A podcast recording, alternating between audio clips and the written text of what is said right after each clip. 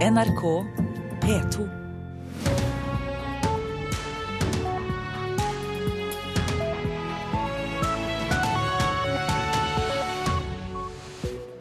Menneskesmuglere annonserer åpent på nettet for pakketurer til Norge. Klokka åtte i dag blir det innført utvida grensekontroll av alle som kommer med ferje hit til landet. Vi skal straks til en kai i Rogaland. 38 av de ansatte i Innovasjon Norge har millionlønn. Lønnsutviklinga i det statseide selskapet blir omtalt som oppsiktsvekkende i et internt notat. Og vi skal også høre at dagslyset slett ikke er likt fordelt blant elever på videregående skoler. Riktig god morgen her i studio i Nyhetsmorgen i dag, Silje Sande. Vi skal høre at på Facebook florerer det åpne grupper der menneskesmuglere tilbyr asylsøkere pakketurer til Norge. Dette gir stor grunn til uro, men det er umulig å stoppe, sier politiet. 22 år gamle Abdullah fra Syria ser det var gjennom Facebook at han klarte å komme seg til Norge.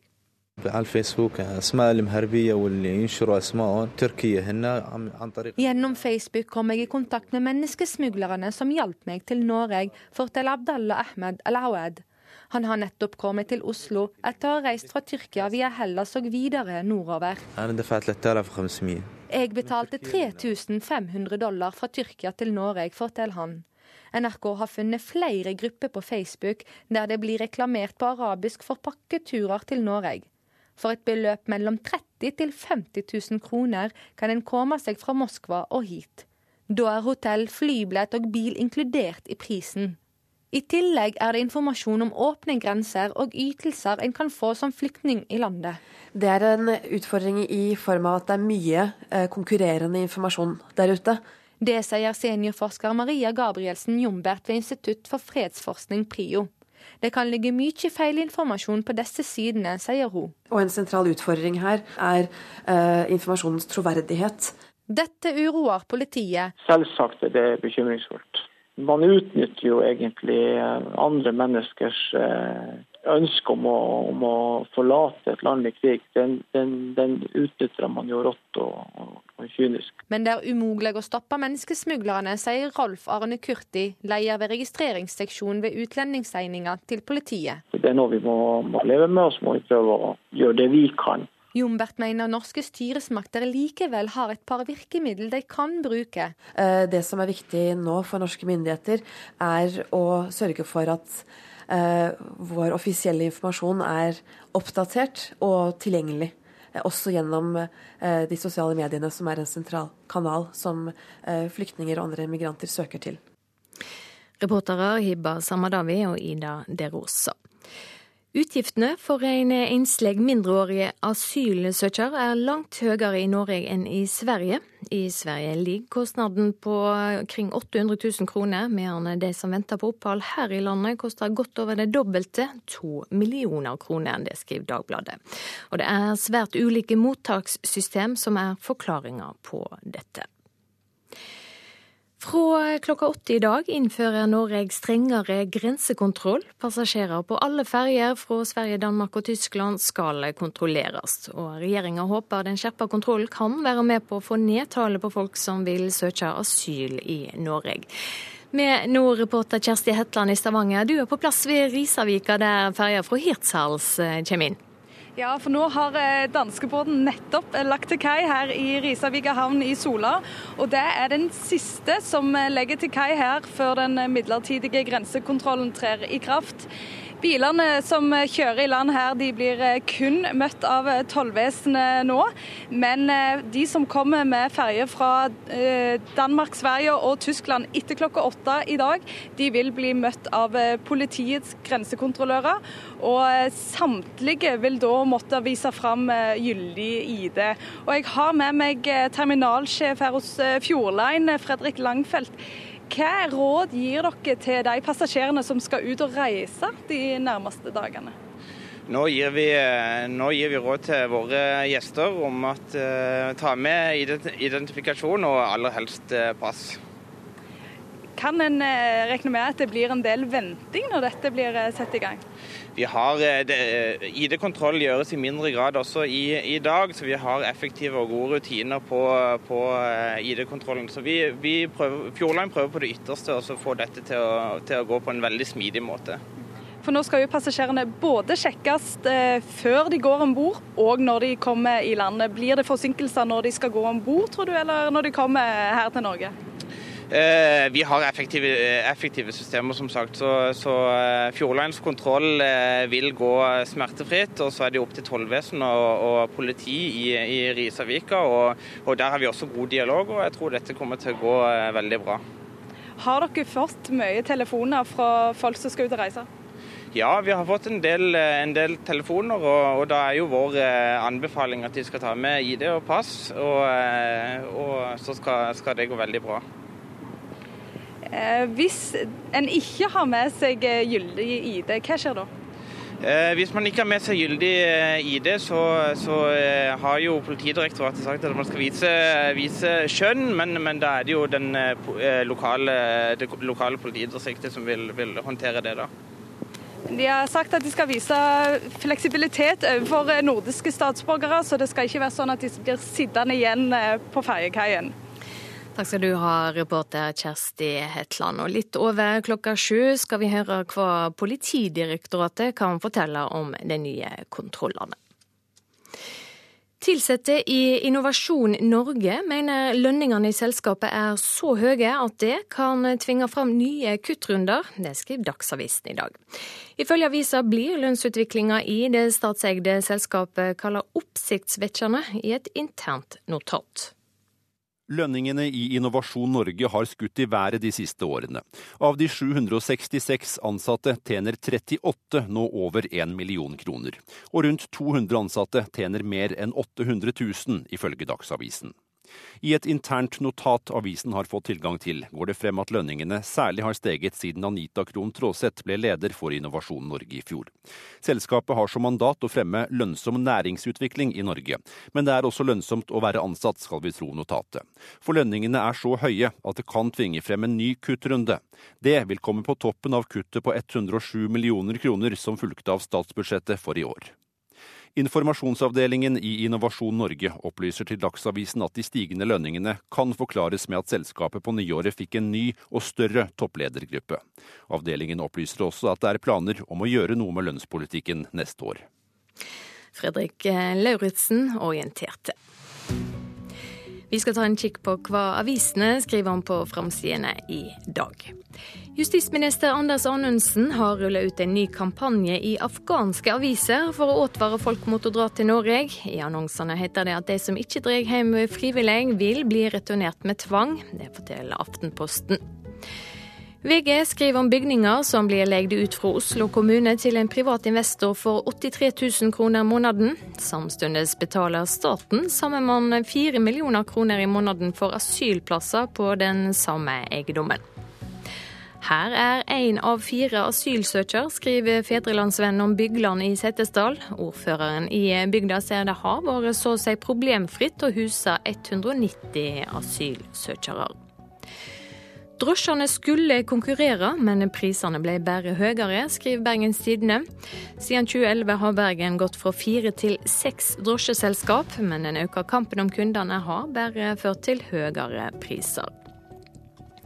Sydvaranger gruve brøt reglene og tok bare ut den mest lønnsomme malmen, skriver Klassekampen. Rovdrifta kan hindre gjenåpning av gruva etter konkursen forrige uke, ifølge avisa.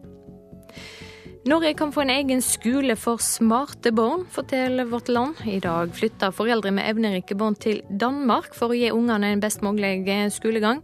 Nå vil en norsk aktør etablere det samme tilbudet i Tønsberg. 400 barnehageplasser står ubrukt i Trondheim, skriver Adresseavisen. Samtidig står nær 150 unger i kø for å få plass i barnehager i kommunen.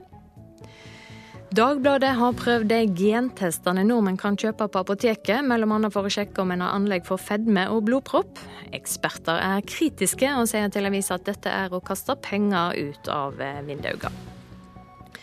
For fire år siden var han arbeidsledig på Nav. Nå har Rema-Roar ei inntekt på 180 millioner kroner, forteller Nordlys. Alle trodde han skulle gå konkurs, men Roar Olsen i Tromsø ble størst i landet.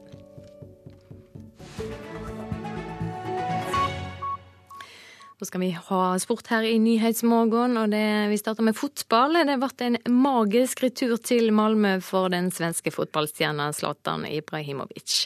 34-åringen begynte karrieren i Skåneklubben. Som 19-åring reiste han til nederlandske Ajax, og fotballivet tok av. I går kveld var han tilbake som Paris Saint-Germain-spiss i mesterligamøte med gamleklubben. Nej, det känns magiskt. Det, det går inte att beskriva. Man vill, man vill ge och göra så mycket som möjligt för att ge tillbaka. Et bevegelig fuglefjell av fjernsynskamera, mikrofoner og journalister Shit, hur var det att spela fulgte Zlatan Ibrahimovic samtlige kvadratcentimeter i intervjusona etter kampen. Det er fantastisk. Det, det, det så man på matchen også. Man, man mådde bra. Det var mye glede, det var mye kjærlighet. og... eh, det, var, det var bare viktig å være på planen og kjenne, kjenne atmosfæren. I en kamp hovedpersonen tok dønn seriøst. Han skåra ett mål og ble bytta ut like før slutt. Samtlige på stadion i Malmö sto på føttene og klappa Zlatan av banen. Jeg har hatt en supporter siden dag ett. jeg begynte å spille på, på, på denne nivåen, og også i begynnelsen av karriären så kände jag att jag hade publiken bakom mig. Och det, jag vet inte mye, vad mer man skal oppleve. Vi har fått oppleve mye, og det her, det her ranker jeg høyt. Malmö ble fem nummer for små mot den franske stjernetåka. Zlatan skåra det tredje målet av Paris Saint-Germain sine fem mål. Malmö og Jo Inge Berge skåra ingen. Det er litt nivåforskjeller. Det, det er en grunn til at de spiller i Paris og vi spiller i Malmö. De skårer på sine, og vi, vi klarer ikke å skåre. og Det er klart det er mål som, som utgjør forskjellen. og I dag skårer de fem og vi ingen, så da, da er det utklassing. Malmö må ta poeng borte mot Real Madrid i siste kamp for å holde fram i Europaligaen på nyåret. Zlatan og PSG er for lengst klare for finalespillet av storebror Meisterligaen. Reporter Ole Rolfsrud. Slaget om Sørlandet ble kvalifiseringskampen til Eliteserien i fotball mellom Start og Jerv kalla. Og det var storebror som var best. Start eh, beholdt plassen i Eliteserien og posisjonen som det ledende laget på Sørlandet. Det betyr alt! Det betyr noe for hele Sørlandet! Jeg hadde hjertet i halsen hele tida. Det var grusomt. Det ble den fotballfesten mange hadde drømt om. Over 12 000 sørlendinger på tribunene på Sør Arena skulle se slaget om Sørlandet bli avgjort. En finale mellom Kristiansand og Grimstad, vest mot øst.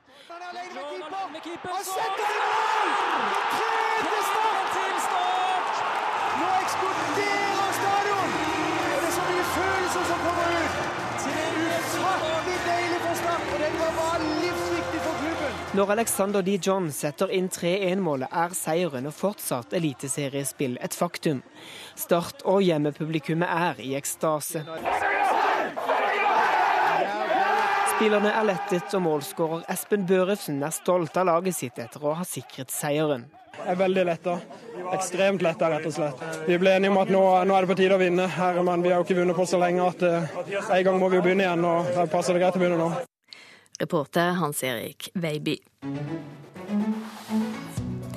Du hører på Nyhetsmorgen i NRK P2 og Alltid nyheter. Klokka er straks 6.47. Norge bidrar indirekte til menneskehandel ved å la afghanske barn få opphold her i landet. Det mener statssekretær i Justisdepartementet Gøran Kalmyr. Fra klokka åtte i dag innfører Norge strengere grensekontroll. Passasjerer på alle ferjer fra utlandet skal sjekkes. Og 136 ansatte i Innovasjon Norge har mer enn 800 000 i lønn. De ansatte mener lønnsnivået kan tvinge fram nye kuttrunder.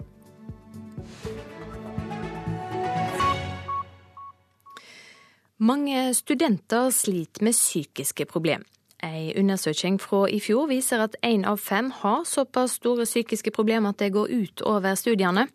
En av de som har kjent på det, er Mats Beldo. Etter noen uker som student ved Universitetet i Tromsø, Norges arktiske universitet, trengte han hjelp. Og nå engasjerer han seg for å hjelpe andre. Eh, rett etter videregående så valgte jeg å begynne på universitetet. Så jeg er jo fra Alta, så det har vært relativt kort, kort vei å dra. Um, I debutuka så fikk man jo Man møtte eh, venner, og man fikk seg en omgangskrets som jeg følte sto meg veldig nært. Så gikk det et par uker, og så var det da en, en kompis eh, fra hjembyen som hadde tatt livet av seg en natt. Og da havna man i en sånn spiral som var veldig vanskelig å komme ut av. Jeg følte at dem jeg hadde blitt kjent med, var kompiser, men det var ikke kompiser som man kunne sette seg ned og snakke om det her med. For de forsto nok ikke hva jeg gikk igjennom. Og av min klasse på videregående så var det bare fire stykker som hadde tatt høyere utdanning. Så i en by som er relativt nært eh, Alta, så var jeg helt alene. Med følelsen av å være alene i en ny by, fant han Mats ut at det var best å fære innom studentrådgivningstjenesten for å prate. Det var da han oppdaga at han ikke var den eneste som hadde problemer i starten av semesteret. For hos studentrådgivninga var det kø. Heldigvis fikk han Mats støtte fra familie i byen og kom seg gjennom den tunge perioden.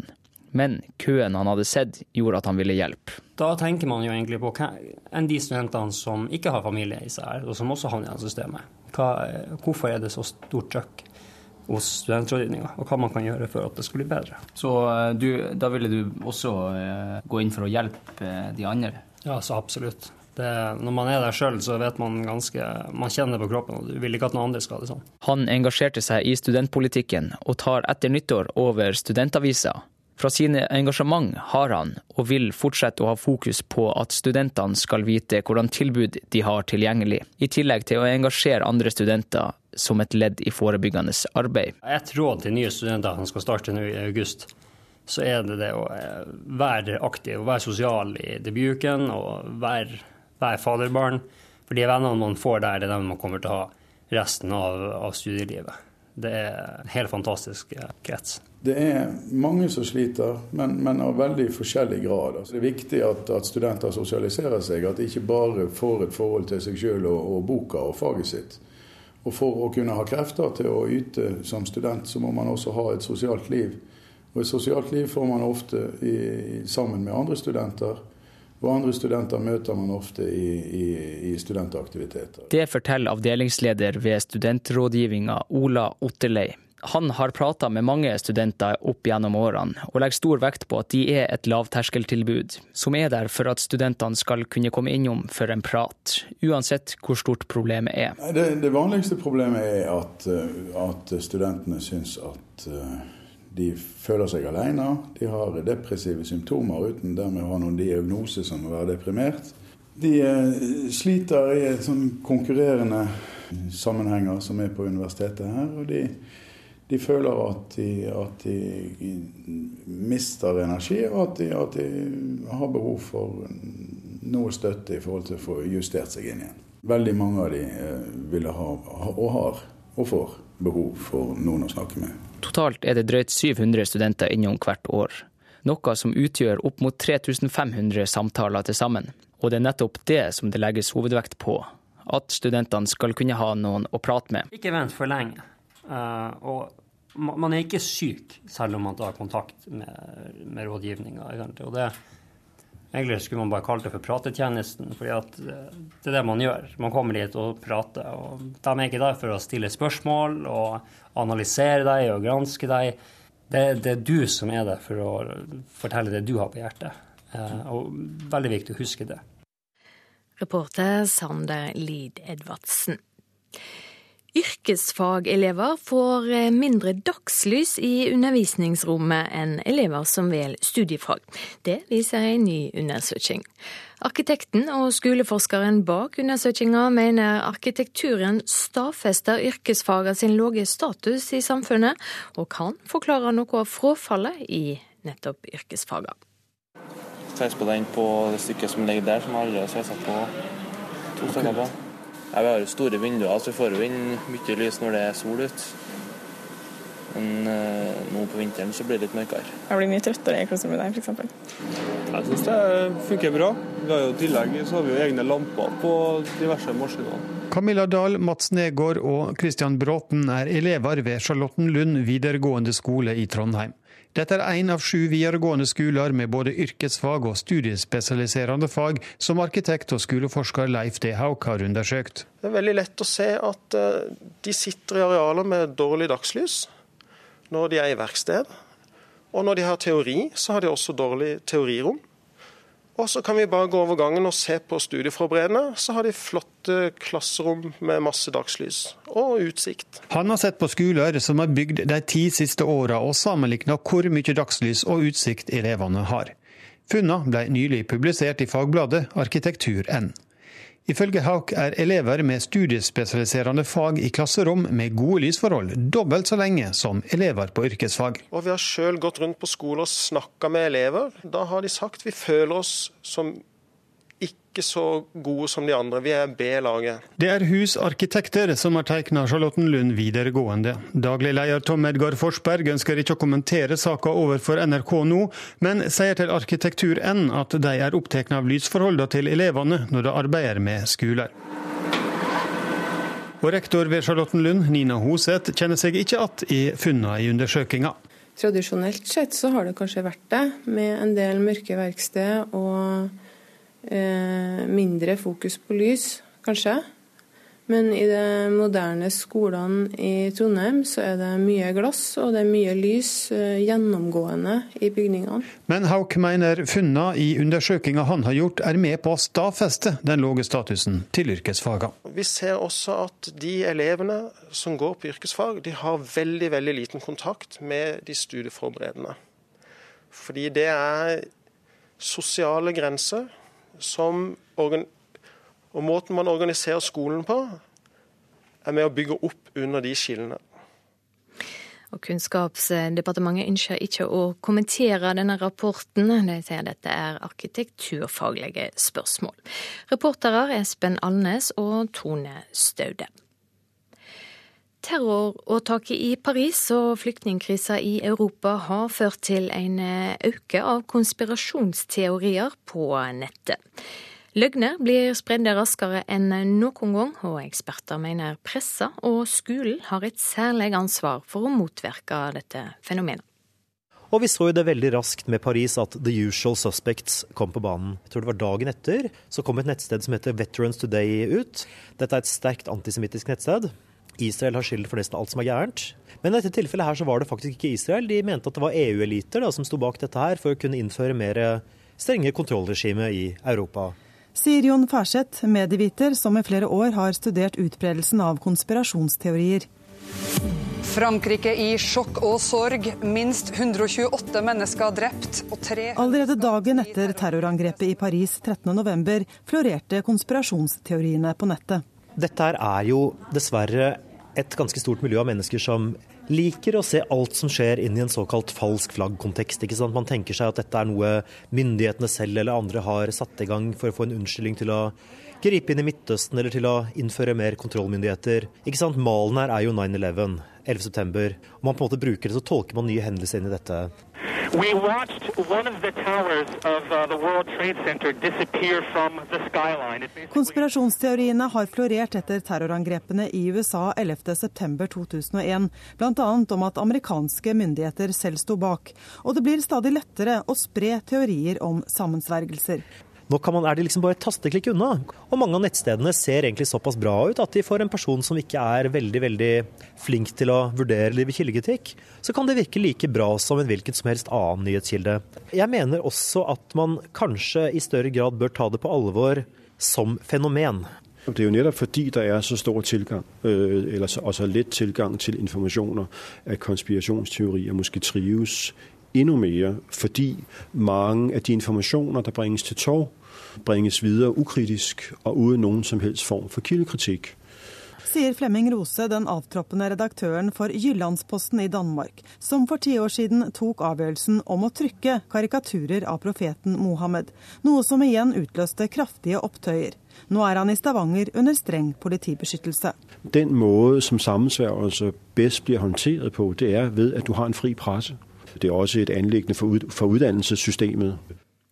Reporter Anette Johansen Espeland. Så værvarselet. Fjellet i Sør-Norge, vestlig liten kuling utsatte steder. Spredde snøbyger i nord og i vest, ellers opphold. Utover ettermiddagen økende til sørvestlig stiv kuling. Liten storm utsatte steder nord for Finse. Snø. Utpå kvelden nedbør som regn under ca. 1200 meter.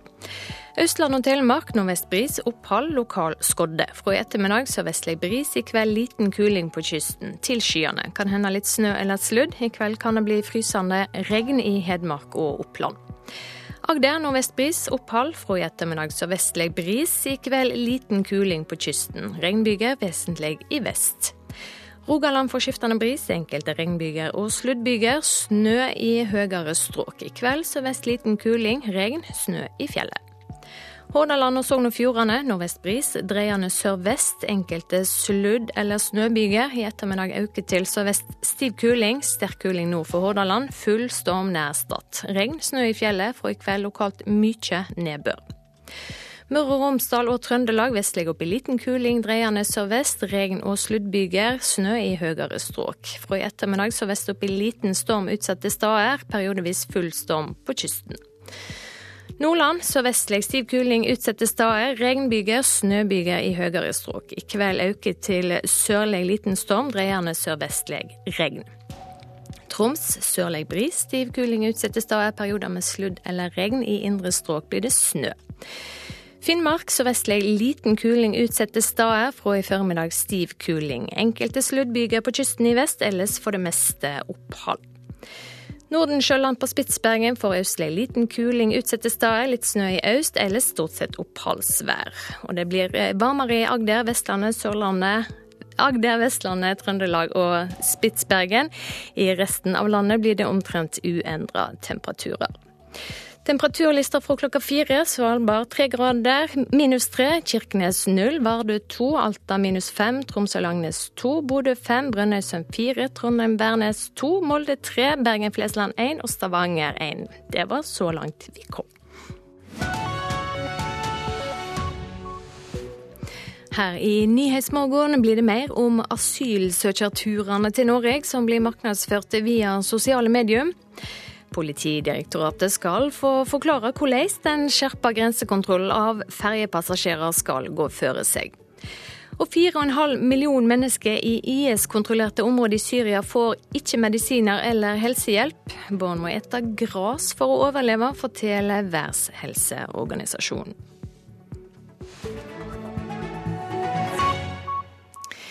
I dag blir det altså innført skjerpa grensekontroll av folk som kommer ferje til Norge. Det betyr at alle som skal ta båt fra utlandet til Norge må vise gyldige ID-papir både når de går om bord og når de kommer i land. Med meg i studio nå, avdelingsdirektør Knut Smedsrud i Politidirektoratet. Dette er et signal til asylsøkere, ble det sagt i går. Hvordan? Ja, eh, Regjeringen eh, mener jo at det kommer for mange asylsøkere hit.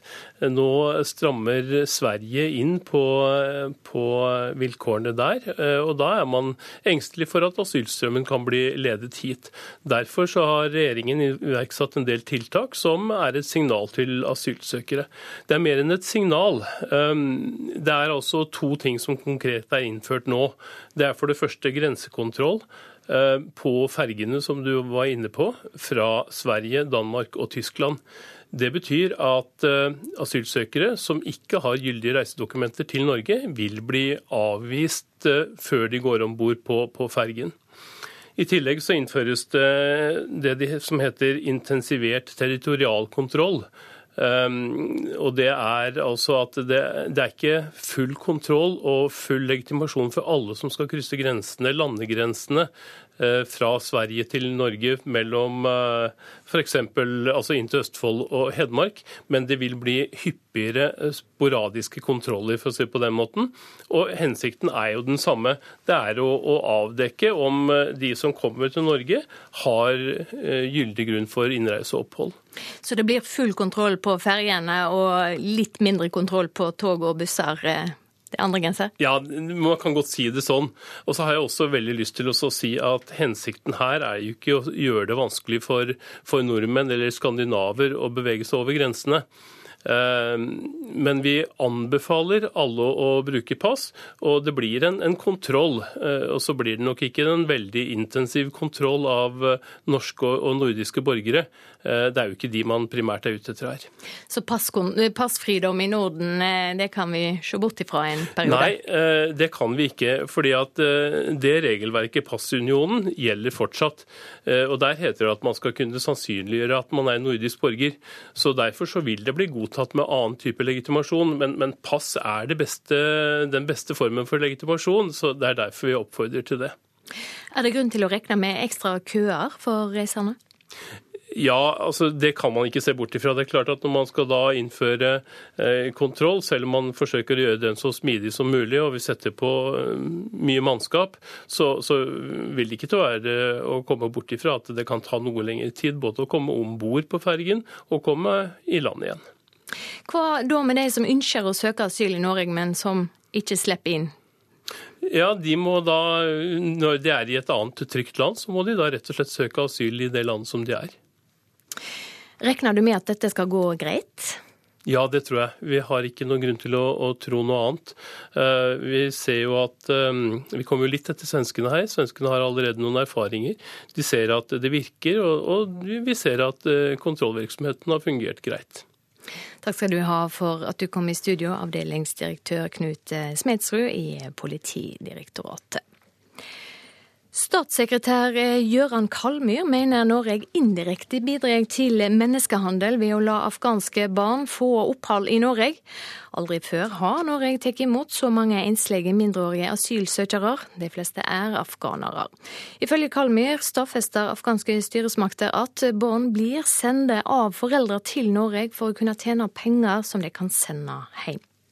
Norway is a very good place for refugees and uh, we feel very good. En 16 år gammel afghansk gutt på Valsmoen transittmottak i Buskerud. Han er en del av en kraftig økende strøm av enslige mindreårige asylsøkere til Norge. 3800 så langt i år, de fleste fra Afghanistan. Nylig var statssekretær Gøran Kalmyr i Afghanistan. Inntrykkene var sterke. Ja, hvis ikke vi nå får endra politikken vår, eh, og det har vi tenkt å gjøre, eh, så bidrar vi jo indirekte til menneskehandel. For at vi har et system som da lokker familier til å sende barna sine til Norge. og Det må vi få en slutt på. Som Dagsrevyen fortalte i går, de fleste er sendt til Norge av foreldre eller nær familie. Mottaksleder Tove Brorson sier hensikten er å sende penger hjem. Det Mine erfaringer er at eh, de er pressa nesten med en gang de kommer til landet. At de foreldra forventer å få penger tilbake så fort de har landa, på en måte. De sparer nesten alt og lever eh, under det som er greit. De lever på bønner og tomatsaus og pasta. De får ikke i seg den næringa de trenger. Så hva vil regjeringen gjøre? Matkuponger slik at barn ikke kan sende penger hjem. Og midlertidig opphold inntil barna blir 18 år, for så sendes hjem til Afghanistan. Dette er tiltak som Kalmer ønsker å bruke. For Kalmer fikk bekreftet at det i stor grad er familier som står bak det å sende unger til Europa og Norge. Jeg tror alle er enige, eh, og alle vi snakker med av frivillige organisasjoner også, mener det at det er ikke bra at barn blir sendt alene med menneskesmuglere. Eh, eh, FN-rapporter tyder på at de blir utsatt for seksuelle overgrep, slaveri. Det er også livsfarlig å sende barna over halve verden eh, alene. Eh, og vi er nødt til å stoppe denne praksisen, for vi kan ikke ha en politikk som gjør at barn blir utsatt for dette.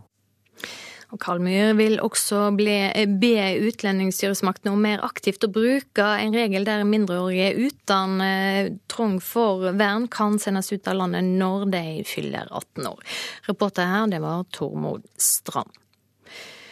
Afghanske avislesere blir denne veka servert annonser fra norske styresmakter. Målet er å få potensielle asylsøkere til å tenke seg om en gang til.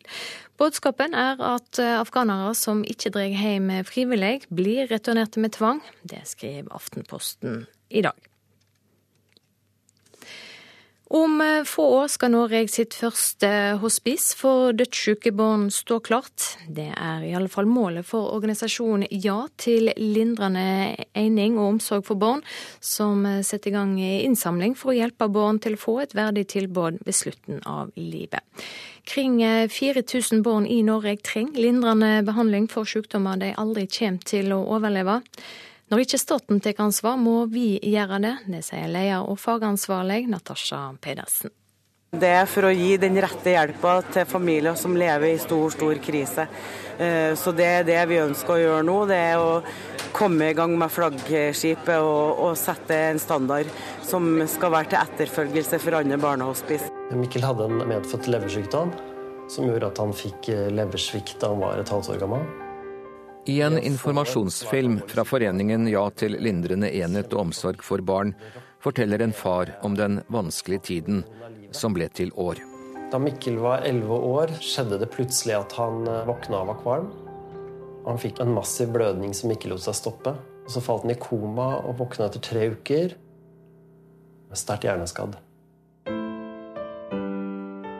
Hvert år dør ca. 400 barn her i landet av en livstruende eller livsbegrensende tilstand. Anslagsvis 4000 barn trenger lindrende behandling. En slik behandling skal hjelpe både barnet og familien til å leve best mulig. Det er viktigere enn å leve lengst mulig, sier Natasha Pedersen, som forteller at mange pårørende er alene med sorgen. Vi har rett og slett ikke et spesialisert tilbud til disse barna og deres familier, sier hun. Et barnehospice er annerledes enn tradisjonell sykehus og tradisjonelt helsevesen. Det er eh, bygd opp, og selvfølgelig nå med at vi får videreutdanning innen barnepalliasjon, så vil vi også få helsepersonell med spisskompetanse på barnepalliasjon, som gjør at de får akkurat den rette omsorgen de trenger i den livssituasjonen de er i. Det har ikke norsk helsevesen per dags dato. Mikkel levde i 16 år og én dag. Han eh, fikk akkurat oppleve bursdagen sin. 16 år er et kort liv, og samtidig så er det lenge. Det er lenge å være redd, og lenge å grue seg. Lenge å tenke på døden. People don't want to talk about kids who are dying. When you get to be 85 and 90, it's an expectation that you're going to die. But children, people like to put that away from their consciousness. They don't want to think about it. Dette er professor Susan Fowler Kerry fra Canada. Hun er en av verdens fremste spesialister innen smerte og lindrende behandling av barn. I disse dager er hun med på en større konferanse om barnepalliasjon, som Ja til lindrende enhet og omsorg for barn arrangerer. Vi vil ikke snakke om barn som skal dø. Vi stryker dette fra vår bevissthet, sier hun, og forteller at lindrende behandling av barn er noe helt annet enn tilsvarende behandling av voksne. Hun tror at et barnehospice i Norge vil gjøre oss oppmerksomme på behovet for at også barn skal få dette tilbudet, at det vil bety et større og bedre fagmiljø og at hospicet vil være navet i formidlingen av kunnskap om barnepalliasjon. When you have a building that belongs to pediatric palliative care, it brings people, people's attention to the building. It also allows people to have a good educational experience in terms of training. So the building will, will bring people together, but that hospice is actually the core to spreading the palliative care program out to the community and to the homes. Reporter Hans-Jørgen Solli. Klokka er straks 7.15. Eh, du hører på Nyhetsmorgen. Hovedsaker hos oss i dag. Menneskesmuglere annonserer åpent på nettet for eh, pakketurer til Norge. I dag tidlig blir det innført strengere grensekontroll flere steder i landet. Målet er å få bedre kontroll på asylsøkerstrømmen. Og Verdens helseorganisasjon er uroa over situasjonen i IS-kontrollerte områder. Folk får ikke medisiner, og mange må ete gress for å overleve.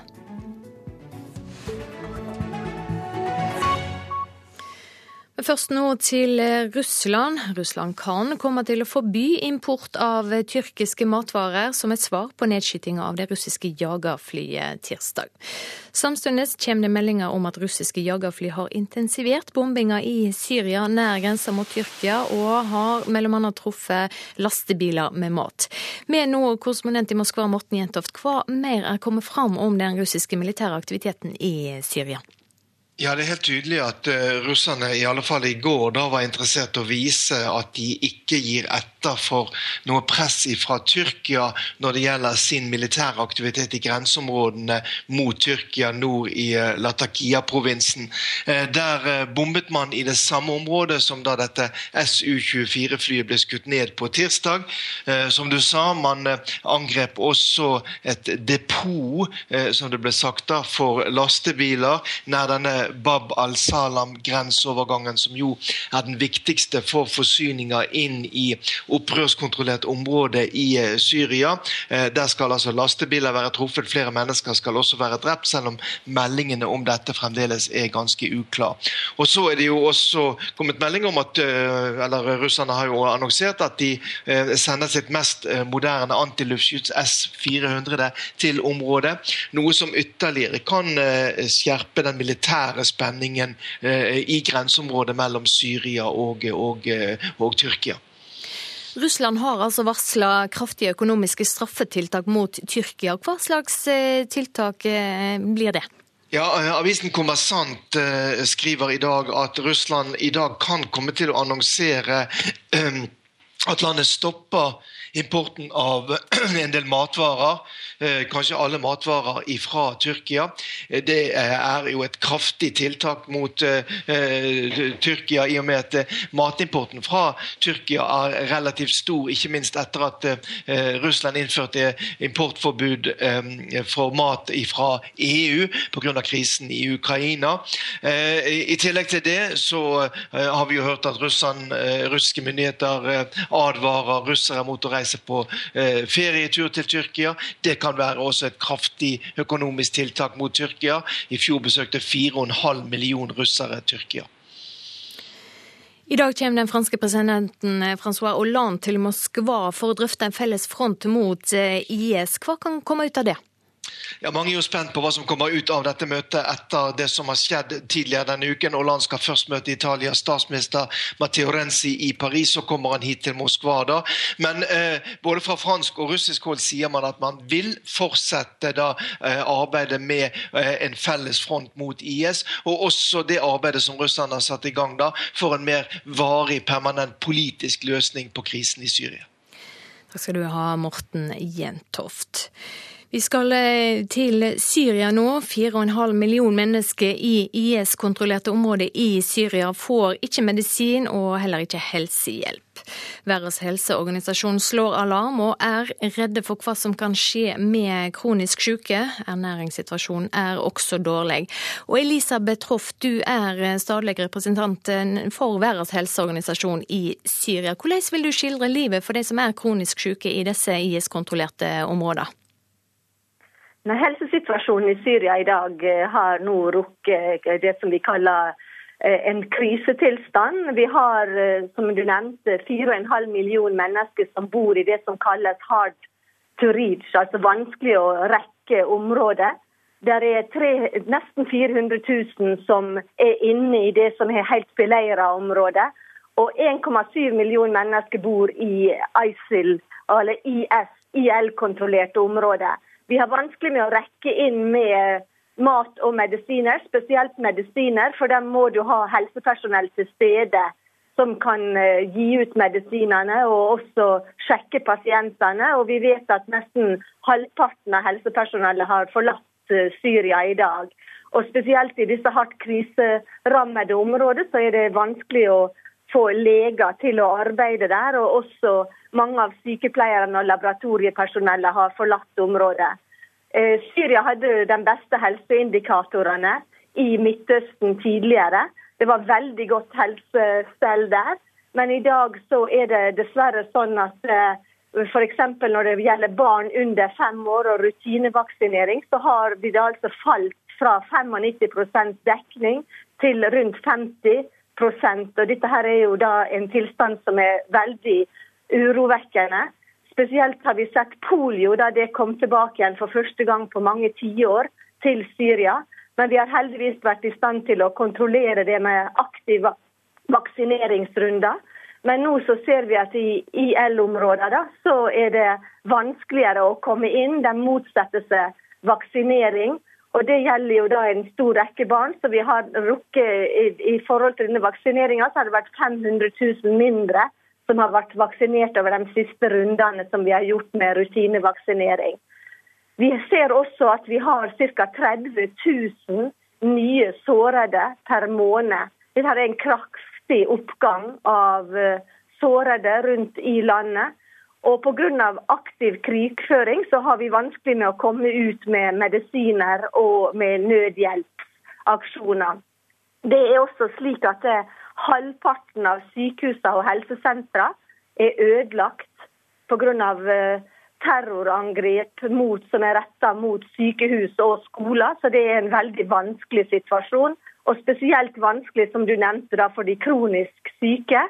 De som lider av sukkersyke og av eh, nyrevanskeligheter, så de er avhengige av dialysebehandling. Og dette her ser vi som veldig vanskelig og utfordrende, men hjelpa rekker fortsatt frem med eh, også en innsats spesielt fra syrisk Røde Halvmåne. Men det er mange også hjelpearbeidere som mister livet i disse vanskelige tilstandene som vi nå ser i Syria.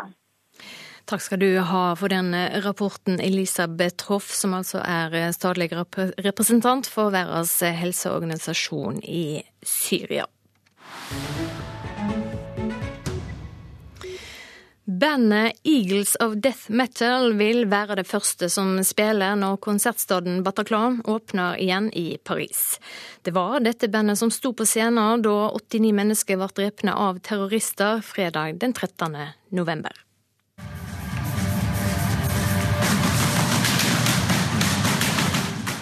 Two of them. Random or random. And that's instantly people start dropping to the ground, injuries, death. Det var to angripere. De skjøt tilfeldig rett mot publikum. Det var skadde og døde mennesker overalt. Det var ingen steder å flykte, forteller medlemmene av bandet Eagles of Death Metal i sitt første intervju siden tragedien i Paris den 13. november. Det er nettstedet Vice som har fått dem til å fortelle om det som skjedde på konsertstedet Bataclan. De første sekundene etter at skytingen begynte, var det fullstendig kaos bak scenen fordi en av angriperne var i nærheten av garderoben. Lydtekniker Sean London var ute i salen ved sitt kontrollpanel og sto like i nærheten av den andre terroristen. Angriperen skjøt mot ham, men bommet. So quickly, and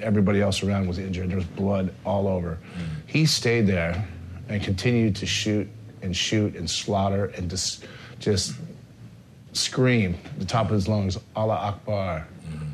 And that's when I instantly knew what was going on. Jeg kastet meg ned, alle andre rundt meg var skadet, det var blod overalt, forteller Sean London. Terroristen sto der og fortsatte å skyte mens han ropte Allahu akbar, Gud er stor. Bandmedlemmene er kraftig berørt av det de har vært vitne til. Flere av de tøffe heavy metal-musikerne gråter når de forteller om den forferdelige terroraksjonen. Et av medlemmene plages av dårlig samvittighet fordi han løp for å komme i sikkerhet mens de andre fortsatt var ute på scenen. De synes også det er tragisk at alle publikummerne som forsøkte å gjemme seg i bandets garderobe, ble skutt og drept av terroristene. Men Eagles of Death Metal kommer ikke til å gi seg. I want, I, I want to be the first band to play in the Bataclan when it opens back up. I, I, Why? I want to, because I was there when it, when it went silent for a minute. Mm. Our friends went there to see rock and roll and died. Jeg vil at bandet vårt skal være det første til å spille igjen når konsertstedet Bataclan åpner igjen i Paris, sier vokalisten Jesse Hughes. Vennene våre døde da de kom for å høre rock'n'roll. Jeg vil tilbake dit for å leve, sier frontfiguren i Eagles of Death Metal. Reporter Jan Espen Kruse. Vi skal se på hva avisene skriver om i dag. Justisminister Anders Anundsen har rullet ut en ny kampanje i afghanske aviser for å advare folk mot å dra til Norge. Der heter det at de som ikke drar hjem frivillig, blir returnert med tvang. Det skriver Aftenposten. VG forteller om bygninger som blir leid ut fra Oslo kommune til en privat investor for 83 000 kroner. Samtidig betaler staten samme investor 4 millioner kroner i måneden for asylplasser på den samme eiendommen. Her er én av fire asylsøkere, skriver Fedrelandsvennen om Bygland i Setesdal. Ordføreren i bygda sier det har vært så å si problemfritt å huse 190 asylsøkere. Drosjene skulle konkurrere, men prisene ble bare høyere, skriver Bergens Tidende. Siden 2011 har Bergen gått fra fire til seks drosjeselskap, men kampen om kundene har bare ført til høyere priser. Sydvaranger gruve brøt reglene og tok bare ut den mest lønnsomme malmen, skriver Klassekampen. Rovdrifta kan hindre gjenåpning av gruva etter konkursen forrige uke, ifølge avisa. Norge kan få en egen skole for smarte barn, forteller Vårt Land. I dag flytter foreldre med evnerike barn til Danmark for å gi ungene en best mulig skolegang. Nå vil en norsk aktør etablere det samme tilbudet i Tønsberg. Gi ei gave til de som trenger det. Det er tanken bak julegaveaksjonen som starta på Bømlo i Hordaland i dag. 20 år gamle Laura Søvold var lei av å sitte på sidelinja. Nå samler hun inn pakker under juletreet på nærbutikken hun jobber på. Fint pakka inne. Ja, veldig fint. Når vi fikk inn dette juletreet, så tenkte jeg at det hadde vært veldig koselig med noen pakker under det treet. Juletreet står ferdig pynta med kuler og lys. 20 år gamle Laura Søvold jobber deltid på nærbutikken Joker Finnås på Bømlo. Og da hun skulle pynte den nye kaffekroken til jul, fikk hun brått en idé. Hva med å lage en julegaveaksjon? Nå når det nærmer seg jul, så er det vel egentlig det samme spørsmålet hvert år, hva en ønsker seg. Og da føler jeg kanskje at jeg har svart det samme år etter år nå. Jeg vet ikke. Og da tror jeg egentlig kanskje mange kan kjenne seg litt igjen i. For mange så tror jeg at det kan lette litt på samvittigheten bare da å kunne være med og bidra til en sånn god ting som dette her, da. At du, selv om du ikke føler du kanskje gjør all verden, så hjelper du iallfall å glede eh, mange likevel med, da. Og i dag går startskuddet for aksjonen. Hvem som helst kan pakke inn hva som helst. Jeg oppfordrer vel bømlinger til å de som kanskje sitter igjen med samme tanke som jeg har hatt, de må vil hjelpe, så er det på en måte en veldig god sjanse til å gjøre det nå. Jeg syns det er helt fantastisk, og det er kjempeflott og utrolig kjekt og at uh, ungdommer som en gjerne hører at de vil ha alt mulig, kan tenke sånne tanker at istedenfor å tenke på seg sjøl, at de vil gi til andre. Anne Johannessen i Bømlo frivilligsentral er innom butikken. Hun skal hjelpe til med å fordele julegavene som kommer inn klart at vi ville være med på det. Eh, og vi føler jo at vi har nettverket rundt oss, sånn at vi kan fordele det på mottaket, voksenopplæring og eh, barnevernet ja, og Nav. Jeg syns det er helt fantastisk i vår. I overflod. Helt fantastisk. Ja. Kommer du til å komme med pakke, tror du? Det er jeg ganske sikker på. Jeg vet om eh, fruen kommer garantert til å komme med mange. Kundene på nærbutikken på Finnås liker det de hører. I dag vil det si at eh, vi vil pakke inn julepakke, eller Ja, du kan pakke inn det du vil. Alt fra eh, leker, praktiske ting, til klær eller strikkelubber eller et eller annet. Det du egentlig har lyst til å bidra med. Da. Det er jo helt frivillig. Og så pakke inn, og så skrive på kjønn og alder. da. Gutt fire til sju år, f.eks. Kommer du til å komme med en pakke? Ja. Det gjør jeg. Absolutt. Ja, Helt supert. Tror du det blir fullt under dette juletreet, eller? Det hadde vært kjekt, for det er jo første gang vi gjør dette her. Så det er jo sånn enten-eller. Men jeg håper jo selvfølgelig at det kommer pakka under, og at det, det viser at folk bryr seg.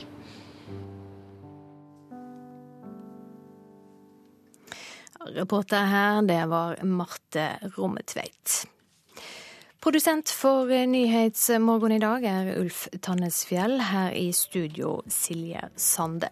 Det er straks klart for Dagsnytt. Etter det skal det handle om et planlagt oljefelt i Montana som kan bli skrinlagt. Det er den lokale indianerstammen glad for.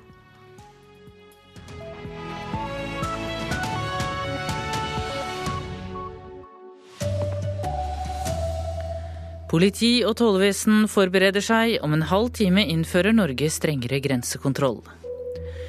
Menneskesmuglere lokker til seg kunder på Facebook.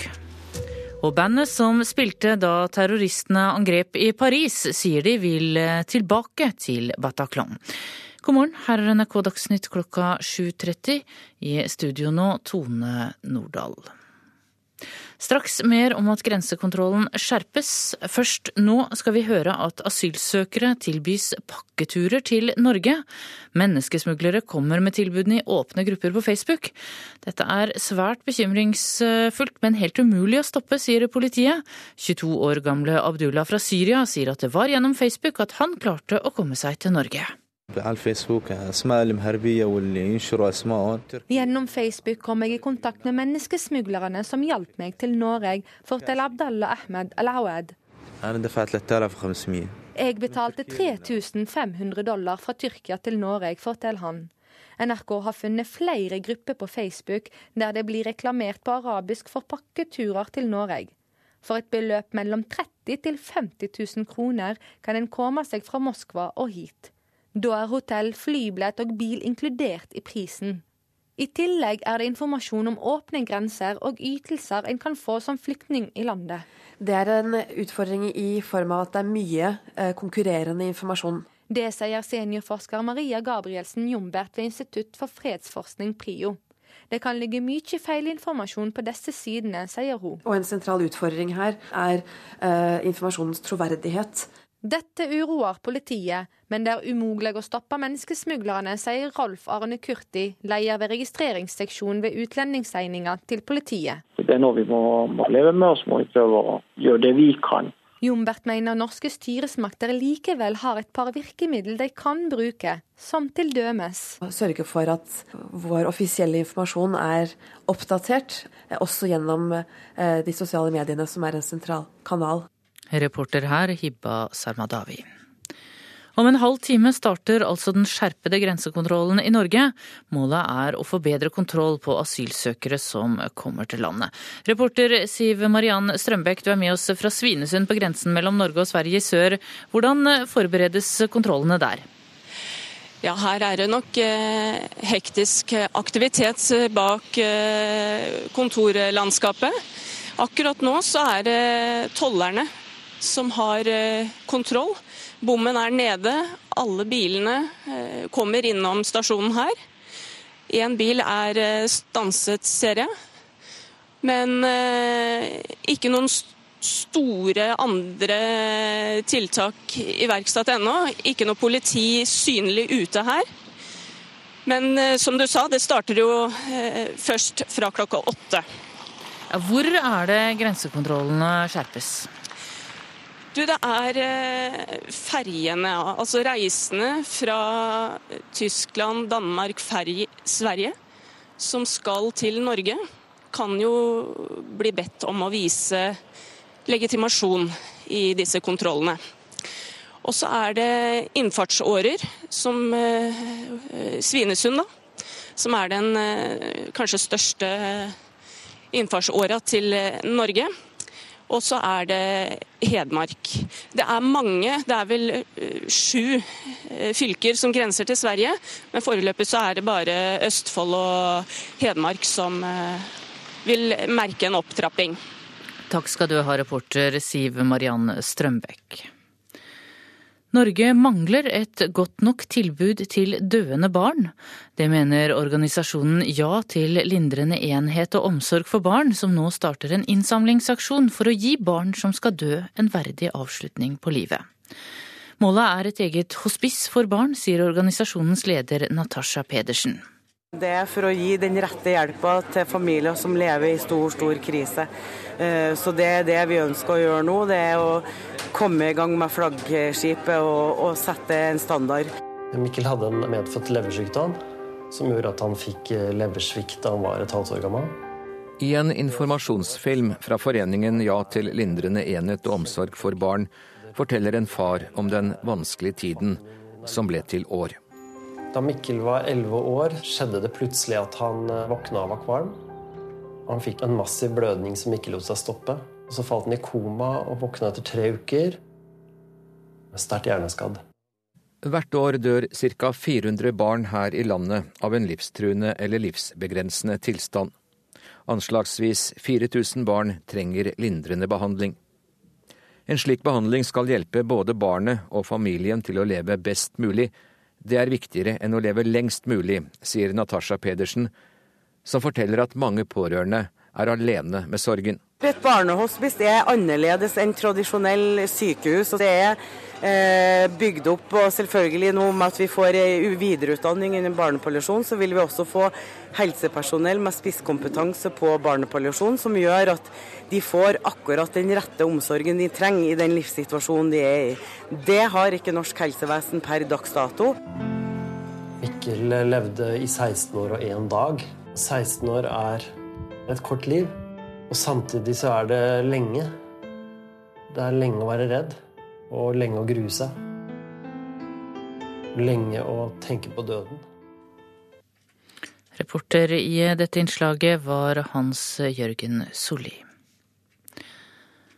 Bandet Eagles of Death Metal ønsker å være de første som spiller når konsertstedet Bataclan åpner igjen i Paris. Det var dette bandet som sto på scenen da 89 mennesker ble drept der, da terroristene stormet inn og begynte å skyte folk fredag den 13. november.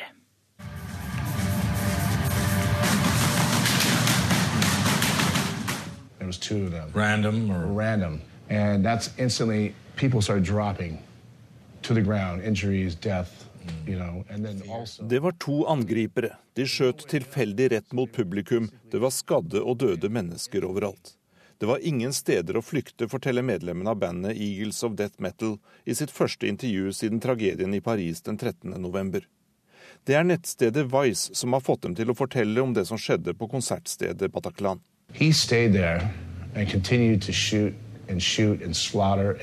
Jeg kastet meg ned, alle andre rundt meg var skadet, det var blod overalt, forteller Sean London. Terroristen sto der og fortsatte å skyte mens han ropte Allahu akbar, Gud er stor.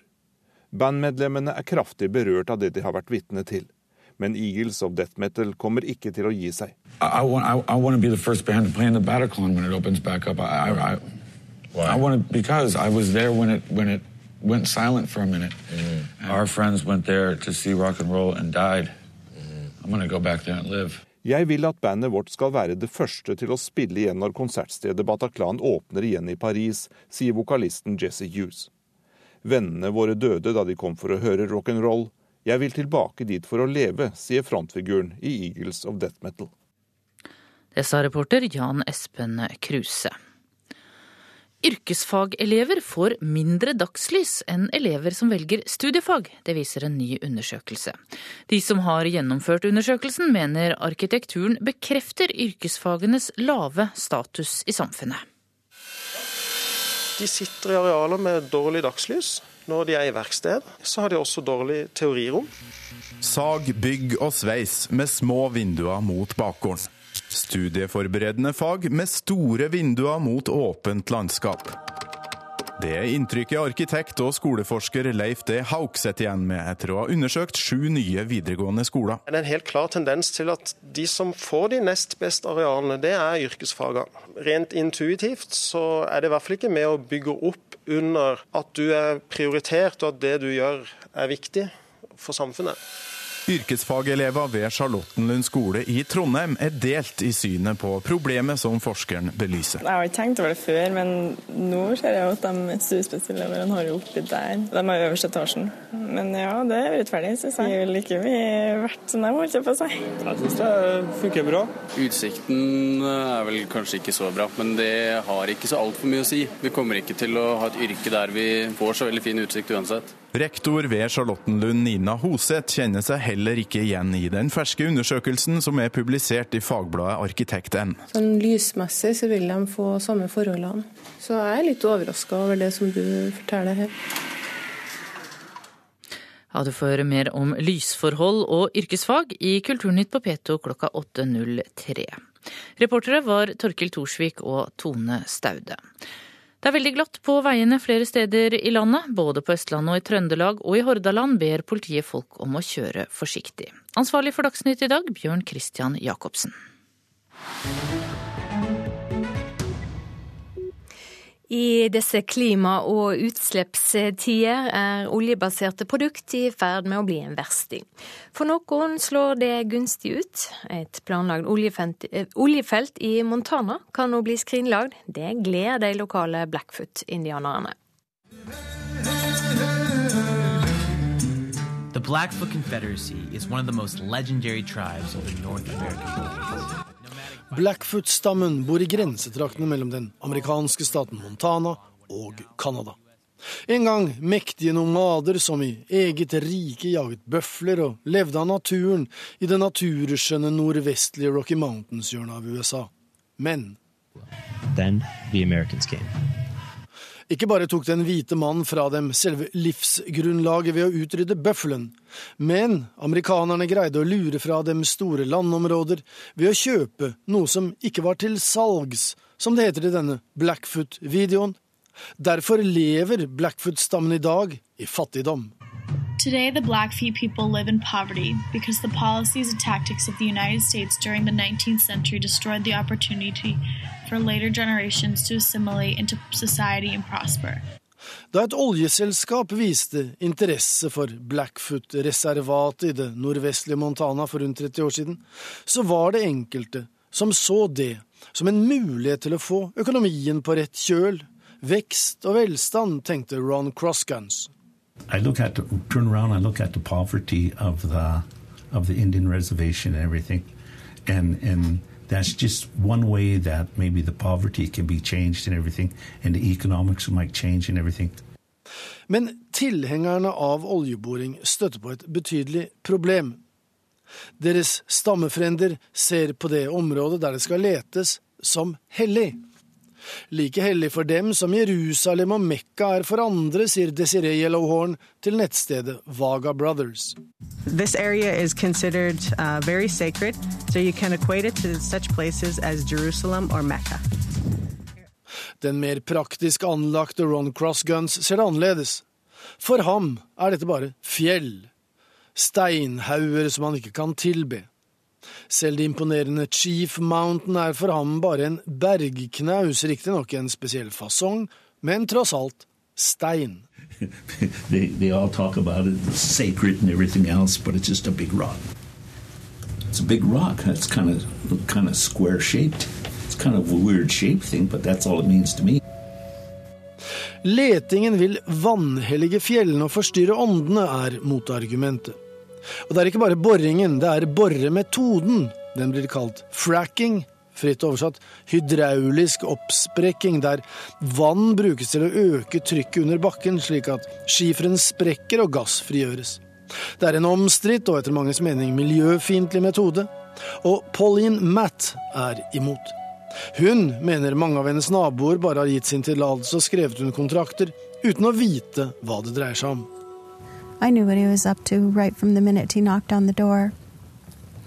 And I told him, no, I, I, I won't sign, and, and shame on you. Nå kan det altså hende at Blackfoot-indianerne i Montana får beholde sine helligdommer. Innenriksdepartementet i USA mener at det ble begått juridiske feil i 1982, og at avtalen mellom selskapet Solenex og Blackfoot-indianerne dermed er ugyldig. Nå kan den bli nullet i løpet av noen uker. Oljeselskapet protesterer og har varslet krav om en giganterstatning. Men hva gjør vel det, dersom de hellige åndene også i fremtiden kan leve uforstyrret videre i ubesudlet natur? Ja, det sa reporter Joar Hoel Larsen. Hovedsaker i dag. Menneskesmuglere lokker til seg kunder på Facebook. Mange annonserer åpent på nettet for pakketurer til Norge. I dag blir det innført strengere grensekontroll flere steder i landet. Målet er å få bedre kontroll på asylsøkerne som kommer. Og Norge bidrar indirekte til menneskehandel ved å la afghanske barn få opphold her i landet. Det mener statssekretær i Justisdepartementet Gøran Kalmyr.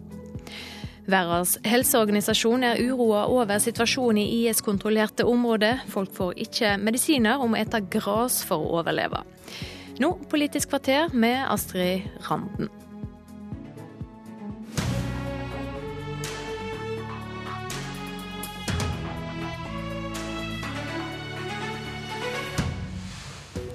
Flere mindreårige asylsøkere må sendes ut av Norge med en gang de blir myndige, mener regjeringa.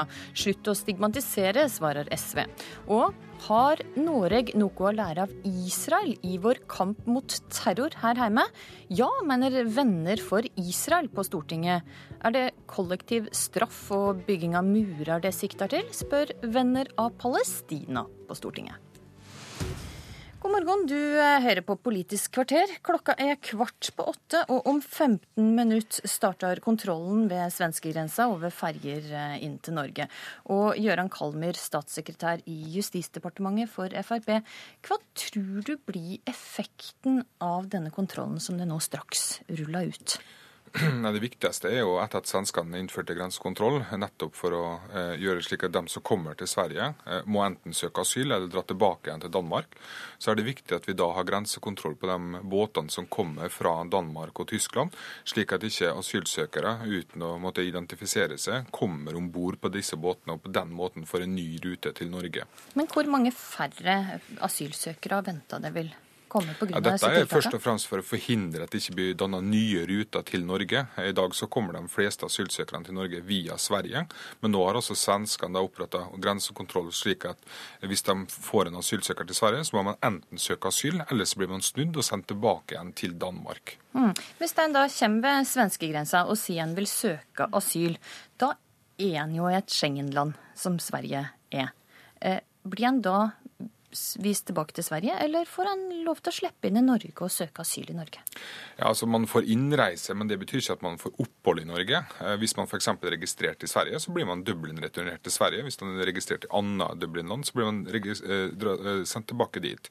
Det som er grunnen til at vi er her vi er i dag, det er jo fordi at Schengen-systemet har brutt sammen. Mm. Schengens yttergrense har brutt sammen. Var jo, systemet var jo slik at alle skulle ha blitt registrert i det første landet man kom til i EU. Dette fungerer ikke, ikke lenger. Nei. Nei. Og Dette har på en måte også satt av litt sånn nasjonal lovgivning ut av spill. fordi at vi har et første asyllandprinsipp. Det bruker vi nå overfor dem som kommer fra Russland. Men eh, vi er bundet opp av Schengen-regelverket til å ikke kunne f.eks. bruke det eh, overfor dem som kommer direkte fra Sverige uten at de er registrert i et annet Schengen-land. I dag tidlig så har vi hørt det si at eh, det er ofte familien som står bak når enslige mindreårige kommer til Norge.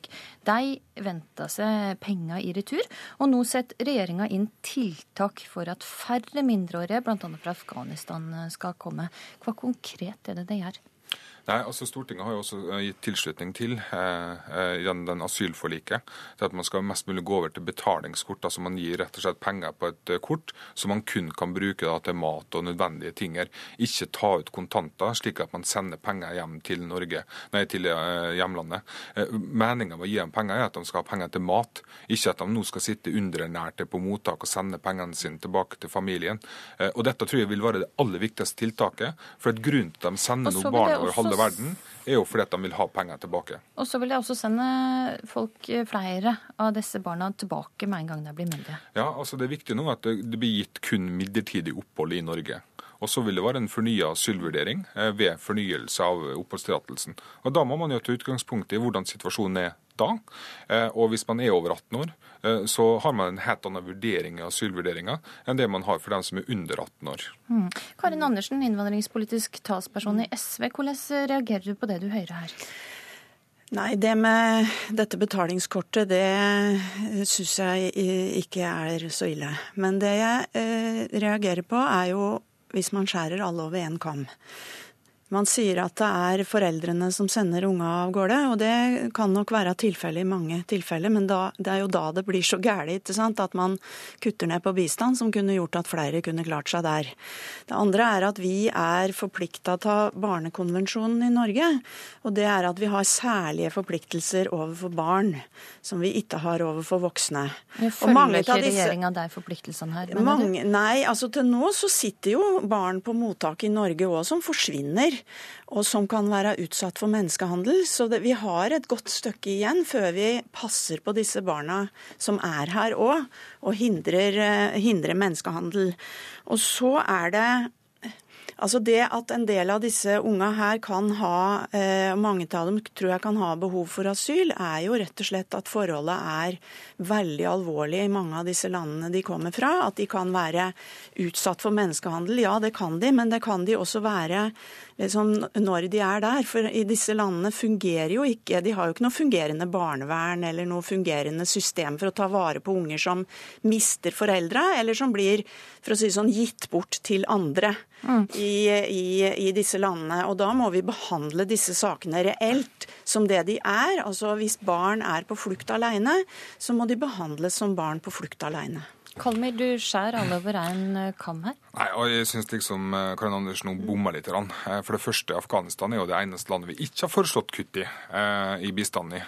Sånn at det blir litt sånn feil kritikk akkurat der. Så gjelder Barnekonvensjonen, så er det slik at Høyesterett har sagt at i barnets beste vurdering så må man også legge en objektiv standard inn. Man skal tenke hva er det beste for barnet objektivt sett. Da må man også tenke på at man skal forhindre at flere barn skal bli sendt alene ut i verden med organiserte kriminelle, bli utsatt for seksuelle overgrep, blir utsatt for slaveri på veien til Europa.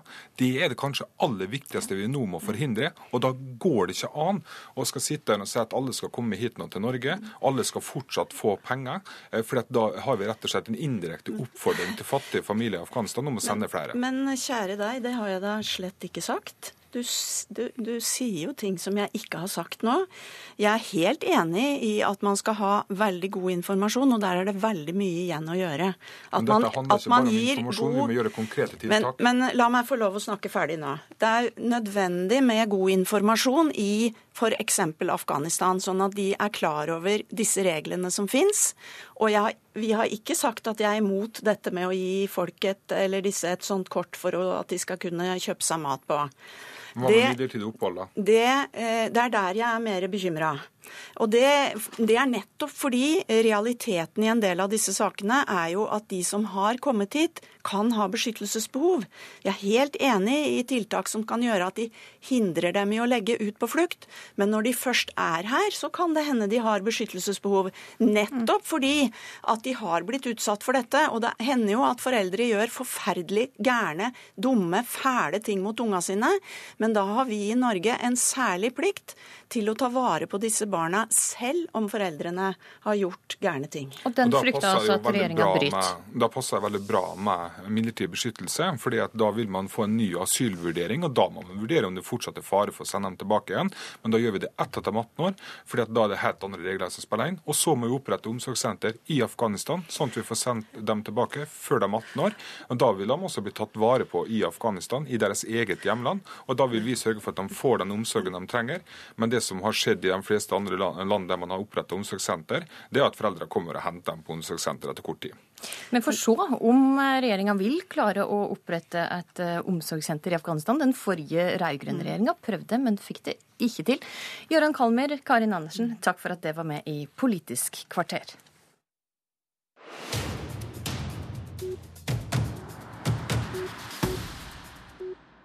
Flere stortingspolitikere vil jobbe for et tettere sikkerhetspolitisk samarbeid mellom Norge og Israel. De mener Norge har mye å lære når det gjelder forebygging og kampen mot terror. Jørund Rytman, stortingsrepresentant for Frp og leder av gruppa Venner av Israel på Stortinget. Hva konkret er det du mener vi kan lære av Israel i kampen mot terror? Det, var som du selv innleder med, at eh, Israel har eh, årelang erfaring med, dessverre, med terror. Og eh, de sitter jo uten tvil med mye politifaglig kunnskap, militærfaglig kunnskap eh, og etterretning, og ulike metoder på eh, hvordan de kan bekjempe terror og, og, forebygging av terror. Eh, så, så det er i første rekke å, få, å, finne ut av om det er noe de kan lære oss på det. Og det har du allerede signalisert, at de, de er positive til å bidra med det de, den kunnskapen de sitter inne med. Ja, hvordan tenker du dette samarbeidet skal foregå i praksis?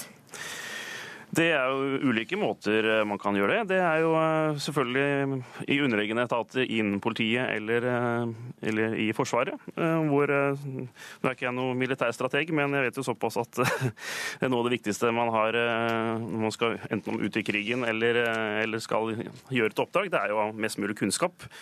Og nå er det jo sånn at Norge har heldigvis ikke opplevd særlig mye terror, og i hvert fall ikke den type terror som vi ser rundt i eh, verden og Europa. Det kommer nærmere og nærmere oss. Eh, så, og den kunnskapen sitter jo uten tvil eh, Israel på. og og tilgang til kunnskap og informasjon, det mm. er i hvert fall jeg veldig positiv til. Og, og håper at vi eh, søker kunnskap. Martin Henriksen, stortingsrepresentant for Arbeiderpartiet og medlem av gruppa Venner for Palestina på Stortinget. Når vi skal kjempe mot terror her i landet, er det Israel vi bør se til?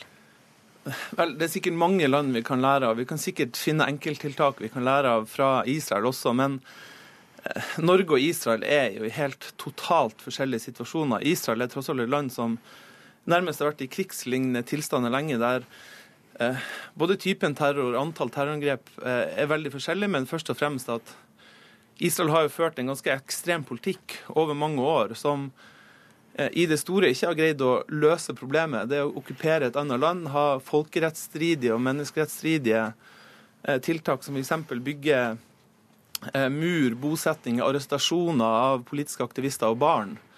Det er veldig mye vi i hvert fall ikke bør lære av Eh, av Israel, for å si det på den måten. Jørund Rytman, eh, bygging av en mur og, og være litt tøffere i klypa, er det, er det slike tiltak du mener vi bør se til? Nei, selvfølgelig ikke. Og det tror jeg Martin Henriksen vet utmerket godt selv. Og det syns jeg blir litt useriøst å sable ned et eh, forslag eller tanker om at man kan lære noe av et annet land, som f.eks. Israel. Og så selvfølgelig så er jeg ikke ute etter eh, å kopiere et annet lands politikk. Eh, her snakker jeg om politifaglig kunnskap, militærfaglig kunnskap og metoder og hvordan, hva slags erfaring de sitter inne med etter all den type terror de har hatt. Og så er jeg ikke enig i at, altså, at det er annen type terror, nei, ja, terror i Israel enn det vi, vi eventuelt kan oppleve. Det, det får vi jo se, men, men vi ser jo, altså, grunnen til vi sitter her nå, jeg regner med er fordi vi nå nettopp har hatt terrorangrep i, i Paris og, og alle mulige terrortrusler man har fått, eh, som PST bekrefter. Og, og, og, da er det jo Det som har kommet frem, er jo at vi, vi, dessverre sannsynligvis eh, kommer til å få den type terror som vi har sett Israel har slitt med i mange år. Og da er det nettopp da jeg mener at da, da tror jeg nok at eh, norsk politi ikke har så mye erfaring på det, bortsett fra kanskje de har tillært seg av kollegaer i andre land, eller lese seg opp. Men, eh, men, det er jo helt annet det enn å faktisk da utveksle erfaringer og eventuelt delta på kurs eller okay. uh, utveksling. Det er mange mulige typer samarbeid. Det er jo det tror jeg vi har veldig mye godt av. Men eh, selvfølgelig, det må jo politiet, politiet selv også eh, gjøre en vurdering av. Da. Men, og selvfølgelig er jeg også opptatt at man kan lære andre land. Men uh, de fleste som følger med i, norsk, nei, i, i utenrikspolitikk, de ser jo det at uh, Israel har uh, har spesielt slitt mye med den type selv, selvmordsangrep og, og, type trusler og, og, terrorisme som vi nå ser også kommer til Europa. Ok, ja, Henriksen, de har jo lang erfaring med terror i Israel. Ja, dessverre. Og det, det finnes mulig enkelttiltak vi kan lære etterretning og overvåking. Men husk på den store utfordringa som eh, europeiske politikere og norske politikere står overfor. Det er bl.a. det å kunne ha sterke tiltak som bekjemper terror, samtidig som vi ivaretar menneskerettigheter også. Eh, og det, også den regjeringa som Fremskrittspartiet sitter i, protesterer jo på Israel sine menneskerettighets- og folkerettsbrudd. I, når det gjelder politikk for å forebygge terror, altså ikke bare forhindre enkeltangrep, men å forebygge årsaker og bekjempe årsaker til terror, så vil jeg si at da har vi lite å lære av, dessverre, israelsk eh, eh politikk. Eh, vi må heller se til f.eks. Altså også Israel, og vi bør lære for sånn som Tony Blair. Da han fikk slutt på terror i London fra IRA, så var det fordi han kom fram til en politisk avtale. Eh, på samme måte så er det jo mangel på forsoning, mangel på politiske avtaler, mangel på en håndfast politikk som faktisk gir håp til ungdommer på begge sider av grensa Israel og Palestina. Eh, det er den mangelen som eh, er det store problemet i dag i Israel og Palestina.